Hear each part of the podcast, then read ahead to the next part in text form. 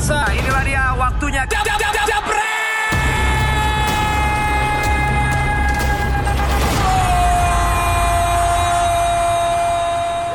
Sama Haryo dan juga Gusri yang sudah hadir yang biasanya kan Gusri punya data-data dengan pantun-pantunnya yang menarik bukan pantun Eh, ka- kalimat-kalimat bujangga ya Yoi. sama juga Mas Haryo yang data-datanya ciamik dan juga udah mulai emosional sekarang ya udah mulai kelihatannya khusus sama Justin.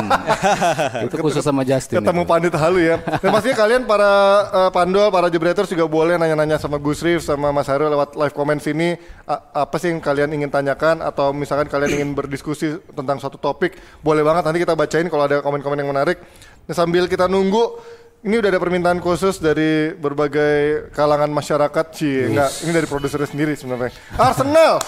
Arsenal kok bisa menang lawan Bournemouth? Nggak itu itu dari gua doang. Maksudnya dengan pemain-pemain mudanya di bawah Arteta tadi kan kalau kita lihat di postingannya Jebret Media juga Arsenal unbeaten di bulan Januari ini walaupun emang menangnya cuma dua kali sekali di Premier League sekali di Piala FA ya nggak salah ya.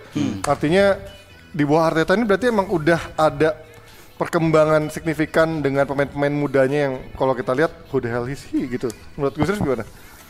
Eh, kehadiran Arteta betul-betul betul-betul membuat akhirnya Arsenal kembali kepada sentuhan sejati yang ditinggalkan oleh Arsene Wenger.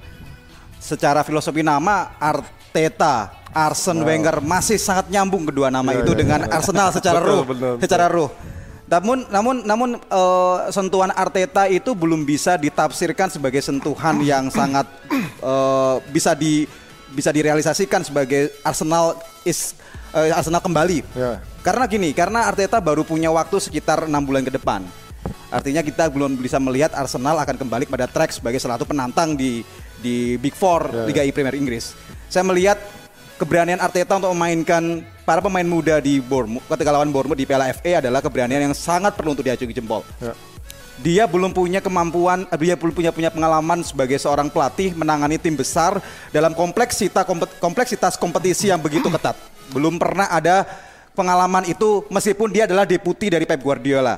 Tapi sebagai sebagai seorang pelatih dengan pengalaman menjadi eh, pengambil keputusan paling utama, ini keputusan yang begitu baik dari seorang Arteta untuk memainkan dan akhirnya Arsenal tidak jadi bulan-bulanan untuk dibully.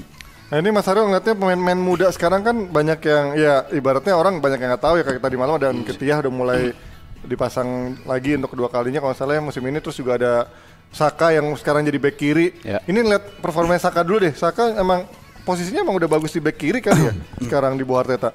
Ini kan situasinya Apa karena krisis? mirip krisis sebetulnya. Kalau ngelihat eh, apa yang dilakukan sama Saka tuh pernah dilakukan oleh Hector Bellerin juga. Oke. Pada waktu eh, dia dipaksa untuk tampil sebagai bek kiri. Pada waktu itu emang eh, Nacho Monreal nggak bisa main, jadi otomatis mereka butuh eh, bek kiri sehingga Bellerin dimainkan. Di posisi yang sulit itu dia bisa menunjukkan performa terbaiknya gitu. Dia bisa menunjukkan bahwa gue bisa eh, apa tampil konsisten sepanjang pertandingan lah di laga itu. Walaupun akhirnya memang Arsenal kalah di laga tersebut, tapi paling tidak dia bisa membuktikan kalau diperlukan gue bisa tampil optimal. Nah ini Saka juga posisinya mirip kan, walaupun dia biasa tampil sebagai sayap kiri, tapi ketika Kolasinac nggak bisa bermain, terus eh, Tierney juga nggak bisa bermain, akhirnya kan butuh pemain eh, bek kiri. Lagi pula kalau kita lihat dia eh, di bawah Arteta ya, di bawah Arteta seorang bek kiri itu kan lebih agresif yang dibutuhkan oleh Arteta Iya. karena back atau gelandang bertahannya akan menjadi false left back kan. Iya. Saka berapa kali eh, Granit Saka ya turun turun sebagai back kiri dalam sebuah permainan dan di situ justru mereka bisa bisa memegang kendali permainan ketika ada back asli, eh, back kiri yang menjadi gelandang dan juga ada penyerang depannya yang kiri juga. Jadi ada dia selalu mereka selalu bisa double team lawan pemain back lawan. Jadi Saka diharuskan untuk tampil bagus menggantikan pemain-pemain inti yang tidak bis- bisa bermain dan dia nge- ngebuktiin kalau dia tuh bisa tampil di situ. Nggak nggak cuma Saka ya kalau kita bicara um, yang tiga pemain salah satunya yang mencetak juga terus Willock juga di ya, tengah. Willock, ya.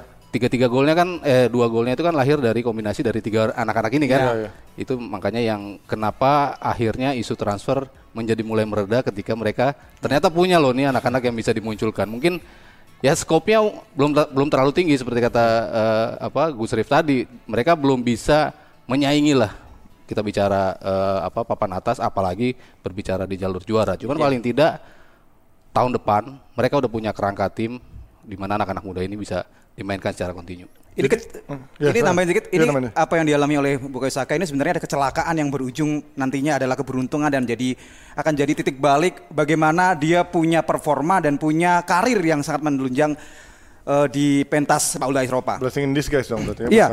Eh, ini seperti halnya yang apa yang dialami oleh Ashley Young Ya. dari depan akhirnya turun ke belakang dari pemain dari seorang striker menjadi pemain sayap akhirnya menjadi seorang fullback. Ya. ya. Lama lagi fullbacknya. Fullbacknya Iya, lama lagi. lama. Karena udah Sama. Kalau di. Indonesia ada Jajang Mulyana dari seorang striker kemudian dia seorang Sekarang jadi back tengah. back tengah. iya, iya, iya, iya, itu aneh juga sih. Dulu ya. ada Dion Dublin. Menurutku ini ini ini ini menjadi titik balik buat Bukayo Saka.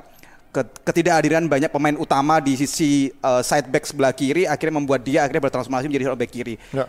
Ini ini titik balik yang menurutku akan membuat karir Saka nantinya secara personal dia akan memiliki karir yang sangat baik dan saya yakin Arteta akan memberikan kesempatan banyak buat dia.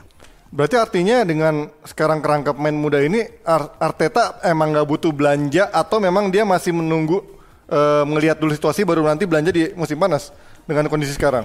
Maksudnya untuk target untuk standar Arsenal apa enggak Ya nih? Arsenal maksudnya.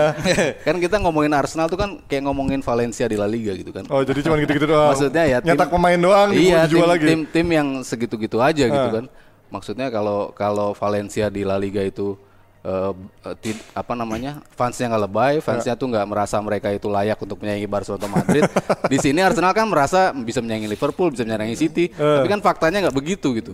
Kalau kalau orang mempertanyakan kok Valencia ya, Valencia dalam rentang yang sama mungkin mereka juara sekali juga La Liga. Arsenal Iya. juga sekali juga kan dari tahun 2000-an gitu kan. Lalu masuk Liga Champion bahkan Valencia dua kali, Arsenal cuma sekali gitu. Artinya tim yang sebetulnya biasa-biasa aja up and up and downs-nya juga cukup sering karena memang kerangkanya nggak nggak cukup kuat untuk bisa menyaingi tim-tim besar. Kalau mereka memang eh, settle for selalu berlomba di jalur empat besar, selalu puas untuk tampil di Liga Champion, apakah itu nanti akan turun ke Liga Eropa atau a- ataukah mereka langsung langsung gugur di Liga Champion asalkan musim depannya kembali lagi di Liga Champion itu menjadi standarnya Arsenal. Cuman kalau emang manajemen Arsenal mau untuk melihat tim ini kembali lagi berkibar seperti di awal 2000-an seperti ketika menjadi juara seperti ketika mereka tampil ke final Liga Champion ya memang harus harus disusun kerangkanya seperti apa. Dan kalau ngelihat Arteta dari pola main tadi Gus Arif juga bilang mereka sudah bisa kembali bermain dan Saka juga eh, bilang dia mengembalikan filosofi Arsenal. Dari mungkin dari gaya permainan dari kaki ke kaki bola-bola aliran bola yang lancar serangan-serangan dua wingback yang selalu rajin dalam dalam menyerang terus kanal-kanalnya juga nggak itu itu aja yang dipakai banyak banyak alternatif serangan mungkin butuh waktu yang tidak eh, tidak apa tidak cepat gitu mereka butuh waktu yang lebih untuk untuk bisa menyusun kerangka tim ini menjadi tim yang kompetitif cuman kalau memang settle di segini ya dengan pemain-pemain ini dengan target mungkin di Piala FA ya cukup bagi Arsenal Sekelas MU lah ya berarti sekarang musim ini. Kalau patah Jawa bilang itu jerbasuki mau beo. Apa itu? Artinya? Untuk meraih kemenangan itu butuh biaya. Untuk meraih kejayaan itu butuh biaya. Artinya kalau misalnya Iya, Arsenal betul, pengen pengen kejayaan nggak cuma sekedar niat doang, tapi Iya. harus ada usaha, ada, ada duit. Ada nggak? Investasi lah ya. Ada investasi. Mau nggak dia keluarin uang untuk beli pemain bintang? Iya, iya, Hanya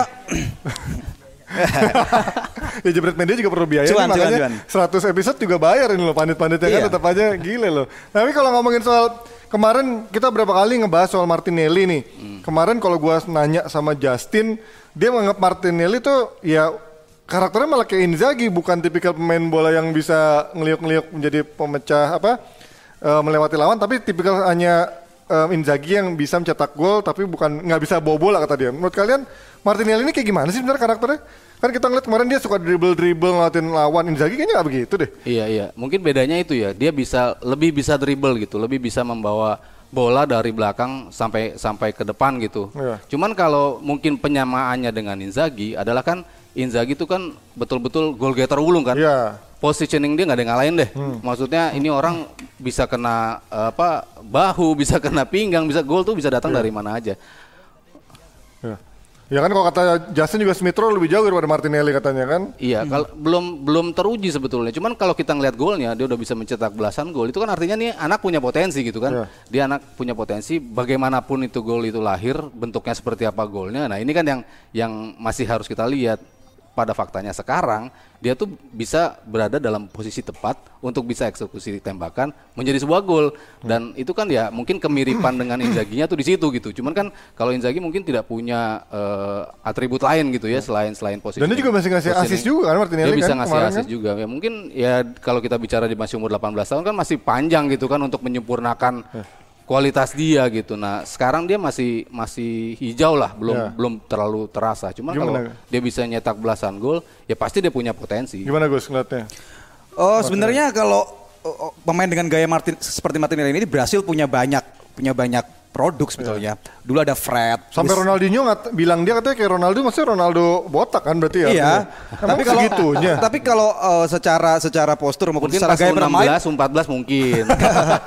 Ronaldo masih ini ya, kurus banget ya dulu ya. Ke gaya bermain sih mirip kayak Luis Adriano, Luis Oh. Fabiano, Fred ya, seperti itu. Ya. Jadi Martinelli itu mungkin selaras atau serupa dengan dengan gaya bermain pemain-pemain depan eh, asal Brasil dengan gaya seperti itu ya template-nya ya di Luis Fabiano, Fred seperti itu. Oke. Berarti kalau ngomongin soal ke- kemarin kan banyak pujian-pujian dari Martin Kion, Rio Ferdinand, bahkan yang bilang bahwa Arteta ini bisa memoles dia jadi kayak Raheem Sterling waktu di City. Bener gak sih cara mainnya dia bisa kayak Raheem Sterling gaya Enggak mainnya? lah, Sterling tuh dari dia belum ke City pun Kion tuh Liverpool- gila-gilaan di, muji-muji di dia sekarang. Liverpool kan dia udah udah gila gitu kan mainnya. Ya, Makanya kan kenapa City berani ngeluarin uang pada saat itu Gede 35 ya. juta pound itu kan harga yang cukup tinggi pada saat mereka beli eh, Sterling ya sebelum harga menembus 3 tiga digit ya. Nah, Terus eh, apa kita sudah melihat bakat-bakat itu ketika dia masih berseragam Liverpool gitu. Walaupun pengambilan keputusannya masih ngaco pada saat dia berada di Liverpool, di gitu Liverpool kan. Kapan harus nendang, kapan harus ngoper itu kan belum sempurna. Nah, disempurnakan memang oleh Pep Guardiola ketika dia tampil eh, apa dia tampil di Manchester City gitu. Cuman kan kalau kita lihat Martinelli, kalau gua pribadi sih gua masih melihat ya itu positioning dia doang nih yang yang yang bagus gitu. Cuman atribut lain sama sekali belum belum bisa dia tunjukkan. masih butuh jam terbang lebih untuk Masih melihat. jelas. Dan masih eh, panjang Masih panjang lah ya karirnya. Gus Rif, suruh jadi komentator bahasa Jawa. Ada pertanyaan, ada match nggak? Ada match nggak? Nggak ada. 30 detik, 30 detik, 30 detik. Gampang buat Oke. Atau kita mau buka YouTube, nggak usah jangan. Oke, nggak usah, usah. Oke. Eh, pertandingannya apa nih? Eropa mau eh, pertandingan Eropa Liga Eropa deh, ya? Eropa, Eropa. Kayaknya lebih seru kalau Eropa. Eh, MU lawan MU lawan PSS PSIM aja. PSS PSIM. Pelanggaran digawe karo pelanggaran digawe karo Michael Owen mau jegal sikile David Beckham ono tendangan sakar PDW alias tendangan bebas. Para, para pemain lungguh nang kono ngadeg kabeh do jejer gawe pager kentol alias pager betis.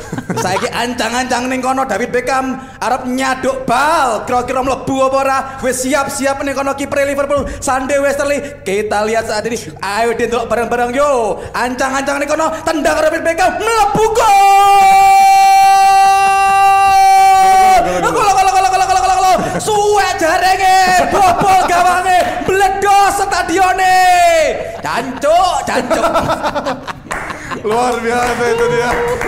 itu dia Gus Rif dengan komentator bahasa Jawanya. Ntar kita ada DPI versi Jawa kayak nanti ya. Boleh. Tapi pasti kalau versi Liga Indonesia kayak Gus Rif bakal sering ya. aduh Oh kita lanjut lagi sih. tapi pemainnya pemain 90-an semua tadi ya saya ikut di sini tapi, nyebutnya Sander Westerveld maksudnya ya? Iya, Westerveld, Westerling kapten Belanda zaman dulu kan ada Westerveld ada Westerling ya Allah Jadul banget itu Westerveld Oke kita lanjut lagi soal Arsenal Tadi em, Mustafi kan cedera Terus juga David Luiz ada eh, pelanggaran ya Eh, Kartu merah apa, apa ya David Luiz ya, kalau salah. Kartu merah juga kan Terus juga sekarang sisa backnya tinggal Rob Holding sama Socrates Apakah ini suatu se- sebuah kri- situasi krisis yang membutuhkan Pablo Mari memang sekarang dia ngincer Pablo Mari tapi nggak dapat ini Ya, gimana? Pasti pulang kan dia kan? Iya. Pablo Mari pulang lagi ke Flamengo. Berantakan berarti? Iya, Flamengo eh, bilang Arsenal tuh apa nggak sesuai dengan deal awal gitu, makanya dia langsung langsung pulang. Eh, jadi nggak dapat ya. Jadi maksudnya Arsenal yang ngerubah term Menu- siapa? menurut Flamengo, Flamengo eh, presidennya bilang bahwa enggak, gue panggil balik eh, Mari karena Arsenal eh, tidak sesuai dengan kesepakatan awal gitu yang yang diinginkan. Apakah nominalnya tujuh setengahnya atau apa nggak dibicarain sih. Ya. Cuman dari versinya Flamengo mereka bilang bahwa di kubu Arsenalnya yang membuat deal ini nggak jadi. Nah ini nih Pablo Mari, ini yang udah diincer-incer, udah mau last mi apa, udah berapa hari lagi menuju bursa transfernya ditutup, tapi kayaknya nggak dapat. Ini dengan sisa Rob Holding dengan Socrates, apakah ini bisa bertahan Arsenal di bawah Arteta nggak kalah-kalah lagi untuk sisa pertandingan besok-besok nih. Kalau kalau kalau ini kan tentatif ya, bukan tentatif dalam artian rentangnya nggak terlalu panjang gitu kan. Ya. Eh, eh, David David Luiz kan kartu merahnya bisa dua bisa kali balik ya. mungkin Sekali paling, paling lama dua apa tiga pertandingan ya dengan Ya. bisa main. Tapi kalau dia balik bisa lagi mereka main dengan formasi 4 back. Cuman kalau enggak kan mereka tetap bisa tampil dengan formasi 3 back. Waktu itu kan eh, kalau kondisinya darurat kan Granit Xhaka kan bisa turun Jadi kan back. sebagai gelandang eh, dari gelandang bertahan menjadi back dan ternyata bagus juga dia di posisi itu. Jadi selama main dengan tiga back di depannya tetap ada wing back mungkin eh, ya Saka di sisi kanan di ka- eh, di kiri di kanannya Bellerin. Mereka tetap bisa kalau turun jadi lima back lagi kan bisa bisa diakalin gitu kalau kita bicaranya formasinya empat eh, apa dalam berapa pertandingan doang masih bisa diakalin. Nah kalau ngomongin soal back backnya kan kemarin kita lihat David Luiz lagi-lagi melakukan pelanggaran yang fatal yang berujung penalti dan kartu merah itu apakah Arteta masih mempercayakan dia di sebagai komandonya Arsenal Gus? Ya sangat. David Luiz, David Luiz punya pengalaman banyak. David Luiz sosok yang kontroversial. 11 pemain di lapangan itu butuh pemain yang kontroversial. Kontroversial blundernya maksudnya. Iya blundernya, ya attitude-nya, ya gaya mainnya. Mau masuk ambil roti doang dia. Terus tapi kan dia menjadi faktor dia kan banyak, udah mulai disorot orang karena Brazil dibantai Jerman terus juga Tapi dari permainan di Chelsea dia- ber- dari dibuang. permainan dia di bawah Arteta, dia Belum- jauh mengalami kemajuan gitu. Maksudnya salah satu pemain Berarti tua dulu ya. waktu di Bawah- sebelumnya Nggak bisa. nggak bisa. Jelek. banyakan blundernya kan yang kesorot gitu kan. Iya. Terus eh, apa dia nggak nggak punya kemampuan untuk bisa visinya ditambah gitu ke depan. Sementara di bawah Arteta kelihatan kan pemain yang paling banyak melek- melakukan operan jauh ke depan justru David Luiz sama Granit Xhaka. Ya. Dua pemain yang tadinya kan umpannya pendek-pendek gitu. Sementara dia di sini ternyata bisa memainkan apa yang diinginkan oleh eh, oleh Arteta. Jadi walaupun dia gaek ternyata dia bisa ngi- ngikutin gitu loh apa yang dimau Arteta. Jadi menjadi salah satu personil kalau nantinya dia akan ngebentuk tim, ya David Luiz harus ada di situ. Itu dia kita lihat Arsenal apakah dengan krisis backnya masih mencari alternatif atau ternyata dia memang apa maksimalkan pemain yang ada. Dan kita pindah ke Liverpool. Ini ada rumor seorang Gini Wijnaldum mau dijual atau mau dilepas. Ini bukannya dia segitu krusial ya? Ma, Van Dijk? Van Dijk juga katanya mau cabut akhir musim. Ah, masa sih? Enggak ini, ini Beneran, ini, ada ada rumor juga. ini hoax banget apa gimana ya? Apakah emang karena dia nggak dapat kesempatan reguler terus-terusan apa gimana? Enggak sih, ka- kalau menurut gue ya kapasitas dia tuh eh, bukan juga regular starter ya. Ya. Maksudnya dalam artian dia harus selalu tampil selalu terus-terusan di setiap pertandingan. Maksudnya kombinasi antara entah dia bermain atau tidak, lalu digantikan oleh Naby Keita, lalu bisa digantikan oleh eh, mungkin Fabinho, oleh Lalana, oleh eh, Mis- Alex apa Oxlade Chamber- eh, Chamberlain di situ. Campbell. Eh, Shakiri mungkin kalau kalau bisa main juga. Jadi banyak banyak pergantian yang bisa dilakukan untuk mengisi posisinya Wijnaldum. Walaupun sebagai pemain gelandang eh, salah satu petarung juga. Ini bagus loh mainnya bagus padahal banget dan dia tuh kan positioning yang gila kan maksudnya sebagai pemain gelandang tapi Iya. dia bisa paling cepat berada di depan kotak penalti ketika ada crossing kok dia nyundul gitu kan Iya. itu yang menurut gua itu yang eh, apa salah satu apa, apa namanya atribut lah yang dimiliki oleh Winaldum yang tidak dimiliki oleh gelandang-gelandang lain. Positioning dia ketika masuk ke dalam kotak penalti itu yang tidak tergantikan. Cuman kan kalau gaya bermainnya berbeda, tentunya kan bisa dirotasi kan siapa aja yang jadi pemain-pemain intinya. Oke. Gimana, Gus? Kalau gue eh, ini cuman sekedar cara untuk membuat pressure kepada lawan-lawan Liverpool yang bisa saja membuat Liverpool kepleset di, di setelah eh, tahun 2018. Karena Wijnaldum ini pemain yang sangat krusial aja sih. Iya, iya, aneh ini, ya. ini ini menurutku ya, ini ini dugaanku. Ada isu yang sengaja digulirkan oleh Liverpool dengan cara dia membuat salah satu pemain-pemain penting, organ-organ penting Mulai dalam skuadnya dia itu dibikin Iya, akhirnya ada ada distraksi di situ yang membuat akhirnya semua konsentrasi tujuannya ke Liverpool. Padahal Liverpool tahu sendiri Liverpool punya peluang yang sangat besar untuk menjadi jawara dan mungkin ini bahan evaluasi dari Klopp sendiri untuk musim depan dia punya target treble mungkin. Ya. Kalau dia melepas EPL FA, dia mungkin melepas eh, Champions League tapi dia fokus ke IPL. Dan ini cara ini sa- salah satu eh, apa namanya satu warning yang diberikan oleh Klopp sendiri untuk pemain-pemain yang mungkin musim depan tidak jadi pilihan utamanya dia. Wijnaldum mungkin di musim ini akan jadi pilihan utamanya dia, tapi mungkin di musim depan dia akan tidak akan jadi pilihan. Makanya dia diwanti-wanti diberikan warning saat ini supaya harganya tetap akan terjaga dengan baik. Nah, itu kalau Wijnaldum isunya baru isu, ini udah ada yang resmi nih, dari kemarin kan kita udah ngomongin Erikson udah tiba di Milan dan sekarang udah diperkenalkan sama Inter Milan. Dan Jadi juga ya, Ji? Hah? Jadi juga ya? Jadi juga, tapi harganya sekarang ujung-ujungnya mahal ya. Tadi kan dari 10 juta, Bukan 17 20 ya? naik 12 kan jadi 17 sampai 20 kan. 20 akhirnya dia 17 ya, akhirnya kalau nggak salah. 17-an kan. Padahal kan tadi Inter cuma mau 10. Akhirnya ngalah juga sama Daniel Levy yang jago ya. kulit amat sih 10 Erikson. Ah, mau habis. Mainnya udah mulai berantakan. Nah, Erikson di Inter Milan bakal mengubah skema atau menggantikan posisinya siapa? Yang jelas begini, gue lihat Conte itu tidak terlalu excited kepada pemain-pemain Italia sendiri. Oh ya? Iya. Padahal Barella sama dia- mereka punya- ada Candreva. Yang, yang diambilin bukan pemain Italia. Ada Candreva, ada De Ambrosio di kanan. dia berarti ya. Dia justru datengin dua pemain yang Sorry. sebetulnya sudah nggak punya, nggak punya, sudah out of date lah Ya. setelah performa. Datengin Ashley Young dan datengin Moses. Moses. Mereka punya Candreva, dia punya Ambrosio. Yang tahu adalah Conte, tapi secara analisa, saya melihat memang tidak terlalu Conte ini tidak terlalu suka dengan pemain Italia.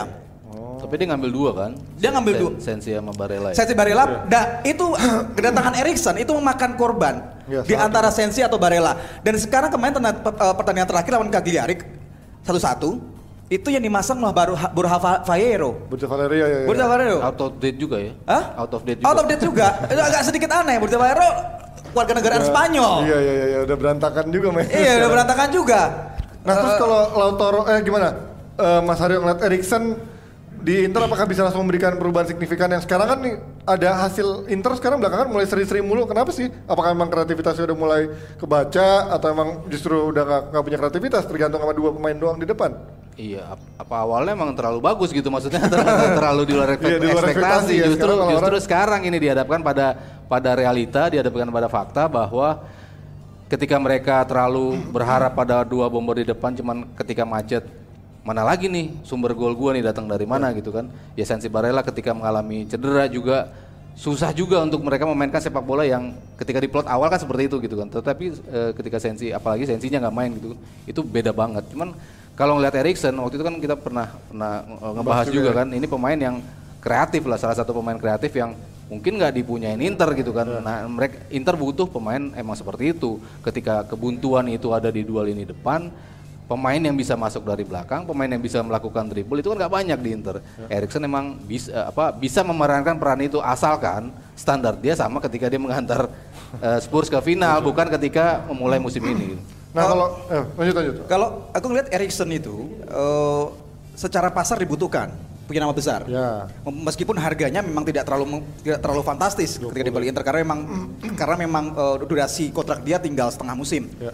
It's okay. Tapi secara nama pas secara pasar nama dia per- diperlukan untuk Inter bisa menjegal hegemoni dari Juventus yang semakin tahun semakin kuat untuk bisa dijegal. Lu yakin Nah ini itu? salah satu cara trik dari manajemen Inter terutama untuk membuat satu gebrakan dalam line up-nya Inter. Nama Moses, nama yang memang out of date secara performa, tapi mereka masih punya nama besar dibandingkan dengan nama-nama yang asli dari dari Italia. Sensi Barella performanya bagus, tapi dibandingkan dengan Erikson jelas secara nama Erikson masih punya pasar dan itu bikin klub pesaing juga akan jauh lebih deg-degan, Ya. deg-degan dengan kehadiran nama-nama besar seperti itu. Apalagi gap poin antara Inter dan Juve juga nggak terlalu jauh, cuma tiga tiga poin. Tapi Lazio bisa ngebalap Inter juga sekarang. Bisa bisa jadi, bisa jadi seperti itu. Liga Liga Italia menurutku uh, so far akan lebih kompetitif dibandingkan dengan Liga Inggris. Oh iya sekarang ya. Sekarang. Tapi lo yakin nggak kalau musim ini Juventus nggak akan meninggalkan jauh pesaing-pesaingan musim lalu kan ujung-ujungnya lumayan agak Gue jauh juga gue gitu fans kan? Inter ya, gue fans Inter tapi Ini fans gue Juve sebelah lo. fans Juve. tapi gue gue gue sangat yakin Juve masih akan tetap juara. Tapi musim depan, musim berikut, musim berikutnya jangan sampai ber- jangan pernah berharap Juve akan bisa gampang juara. Kalau Mas Aryo lo ngeliat kemarin Juventus akhirnya bisa ke, kejegal kedua kalinya, Iya. berarti artinya em, kehilangan Demiral ini berpengaruh nggak sih? Akhirnya kan Celini juga lagi cedera kan. Hmm. The Ligt emang belum belum begitu nyetel apa gimana? Ya Bonucci ya Cuma memang Bonucci De- doang ya? Kan di awal nggak nyetel, lalu kemudian nyetel banget, habis itu nggak nyetel lagi gitu kan Oh. agak aneh juga maksudnya kok pemain yang begitu konsisten sepanjang berapa musim gitu di Ajax bahkan di Eropa, tapi kok ketika datang mengaku sendiri bahwa gue kok susah ya untuk untuk adapt di sini, gue kok Iya, nggak bisa main seperti ketika gue main di Ajax itu kan hal-hal seperti itu yang tidak bisa didobrak sendiri sama sama Derli. Kalau ngelihat komposisinya ya kalau Celeni ced- kalau Celeni cedera ya mungkin tinggal Rugani ya Rugani yang ya. bisa tampil di belakang bareng bareng Bonucci. Cuman kan Juve bukan perkara ini belakang doang kan. Kita Ya, bicara lini tengahnya justru yang menurut gua vital dan paling kaya itu kan mereka di lini tengah. Ya. Ada enam pemain yang kualitasnya sama, gitu kan. Mau Matuidi, mau Rabio, mau eh, mau Pjanic, mau banyak lah semua di rotasi tuh. Ya. Ramsey nggak pernah main lagi ya, Ramsey ya sekarang jadi hampir kayak trequartista kan agak, agak maju ke depan gitu. Jadi eh, selama lini tengah mereka masih sekaya itu, selama lini depan mereka juga masih ada Ronaldo di situ, kayaknya kalau nggak kalau nggak kesalahan lini belakang gitu dalam melakukan blunder, kayaknya nggak nggak semudah itu lawan tuh bisa bisa menjebol gawang mereka. Baik pemirsa, inilah dia waktunya. Jam, jam, jam,